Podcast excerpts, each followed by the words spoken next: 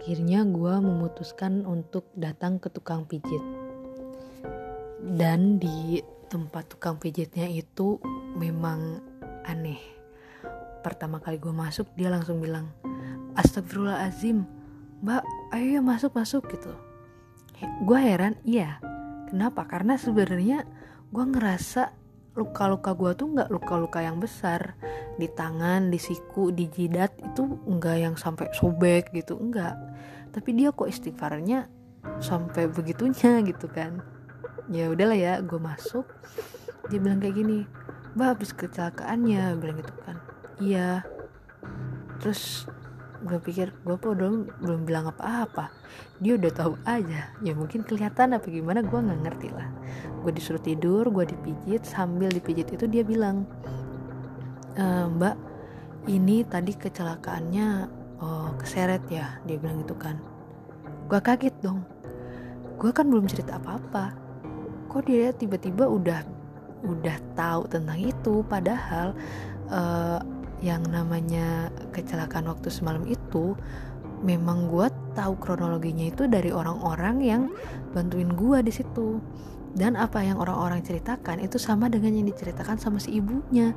Gue mikirkan apa si ibunya ada di situ? Terus ya nggak tau lah ya akhirnya gue dengerin aja deh dia bercerita. Yang ceritanya sama. Terus dia bilang mbak tuh ke, uh, kecelakaannya keseret sama mobil kemudian mobilnya tuh kabur dan ketika keseret itu helmnya mbak itu lepas. Nah karena keseret dan helmnya lepas harusnya tuh ada luka di kepala. Tapi saya cek kok nggak ada apa-apa dia bilang gitu kan. Gue tarik nafas dulu gue karena ceritanya beneran persis sama kayak gitu waktu gue kecelakaan orang-orang udah langsung ngeliatin kepala gue gitu. Karena takut kenapa-napa katanya mereka gitu. Karena helmnya lepas gitu. Terus emang gak ada apa-apa di kepala gue cuma memang karena gue pusing dan linglung akhirnya gue juga udah melakukan ronsen dan masih nunggu hasilnya gitu. Nah, terus ibunya cerita lagi bahwa uh, mungkin uh, ini kayaknya mbak beruntung banget soalnya ada yang ngelindungin. Terus gue pikirkan ya memang ada yang ngelindungin Tuhan. Gue mikir kayak gitu kan. Terus akhirnya yaudah mbak berhati-hati dia bilang. Habis itu dia pijit di bagian perut dia istighfar lagi astagfirullahalazim terus dia berdoa kemudian dia kayak nyabut sesuatu gitu dari pusar gua. Dia cabut dia buang ke atap sebanyak tiga kali gitu. Abis itu dia bilang gimana mbak? Udah legaan? Terus gue bilang iya legaan sih. Lebih enak gitu kan. Cuma ya memang nggak nggak sampai bener-bener enak banget. Cuma gue ngerasa gue udah bisa gerakin tangan gue tadinya kan emang kaku.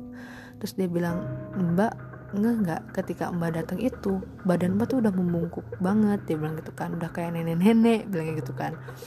Coba sekarang bisa berdiri nggak? Gue bisa berdiri dan dia ngelihat katanya gue udah lebih tegak gitu. Yang gue ngerasa dari kemarin sama sekarang kayaknya sama aja gitu kan. Badan gue emang sebembungkuk itu cuma ternyata kata kakak gue memang gue nggak bisa tegak. Ya memang tangan gue sulit digerakin sih waktu itu. Nah terus akhirnya dia bilang tadi dia sebenarnya ngeluarin sesuatu dari perut dan itu ular. Dia bilang gitu kan. E, mbak ngelihat nggak? Terus gue bilang enggak. Ya jadi ini kayaknya ada orang yang nggak suka sama mbak dan dia ngirim sesuatu. Jadi mbak emang harus hati-hati dia bilang gitu kan. Terus gue semenjak dia bilang kayak gitu ya gue akhirnya memutuskan untuk ya udahlah gue kayaknya perlu pulang kampung. Akhirnya gue pulang kampung di hari itu juga. Ketika gue di kampung gue gue sampai uh, ketemu orang tua gue terus gue tidur. Besoknya pas bangun tiba-tiba gue keluar darah gitu dari kemaluan gue ya gue kaget iya karena kenapa ini keluar darah dari rahim gue perasaan gue nggak lagi mens dan ini bukan periode gue menstruasi. Terus uh, dan itu seharian bener-bener cuma keluar di pagi doang sampai malam tuh nggak ada keluar apa-apa. Akhirnya gue tanya kan dan gue cerita lah kalau uh, tadi pagi ke ada kejadian kayak gitu. Terus akhirnya gue diceritain sama bokap gue jadi sebenarnya semalam tuh gue tuh kayak macam didoain dan entahlah apa gitu dan keluar sesuatu keluar ular dari tubuh gua dan itu ada tiga ular gitu. Uh, warnanya hitam silver atau putih gue lupa sama satu lagi gold. Nah terus dikasih tau lah gue bahwa sebenarnya kalau yang uh, ini tuh kayak memang kalau orang mau ngirim sesuatu dari jauh tuh ya memang biasanya pakai beginian. Dan kalau yang warnanya sampai gold ini tuh sebenarnya yang sangat membahayakan karena bisa ya tujuannya bisa sampai pengennya gue mati gitu kan.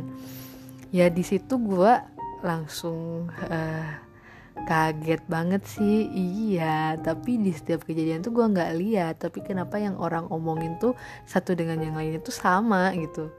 Terus akhirnya ya gue akuin di diri gue bahwa sebenarnya memang sebelum uh, kejadian itu gue selalu ngerasa diikutin. Terus uh, akhirnya di malam Jumat tepat satu hari sebelum gue kecelakaan gue buka pintu ke kosan tiba-tiba ada uh, dua bayangan hitam lewat. Terus gue ngeliat gue kaget. Habis itu gue mandi dan gue lakukan sholat tahajud gue baca yasin gue pasrah uh, karena gue bener-bener nggak tahu itu apa dan gue kenapa gitu. Karena emang gue ngerasa gue linglung apa karena gue saking takutnya atau apa gue nggak ngerti gitu. Jadi akhirnya uh, eh, gue berpasrah gue berdoa minta perlindungan. Memang seperti itu yang gue lakukan sebelum kejadian di besok harinya. Dan kejad ketika di besok harinya kejadian pun um, gue yang nggak ingat apa-apa di hari pas waktu gue kecelakaan ya gue rasa itu memang benturan. Cuma entah kenapa gue bener-bener yakin gue lagi tidur di kosan gitu uh, ya nggak tau lah gimana ceritanya itu gue seperti itu. Dan memang eh, hal-hal yang kayak gini yang gue alamin dan gue rasain uh, eh, gue coba nolak tapi ternyata memang kejadian.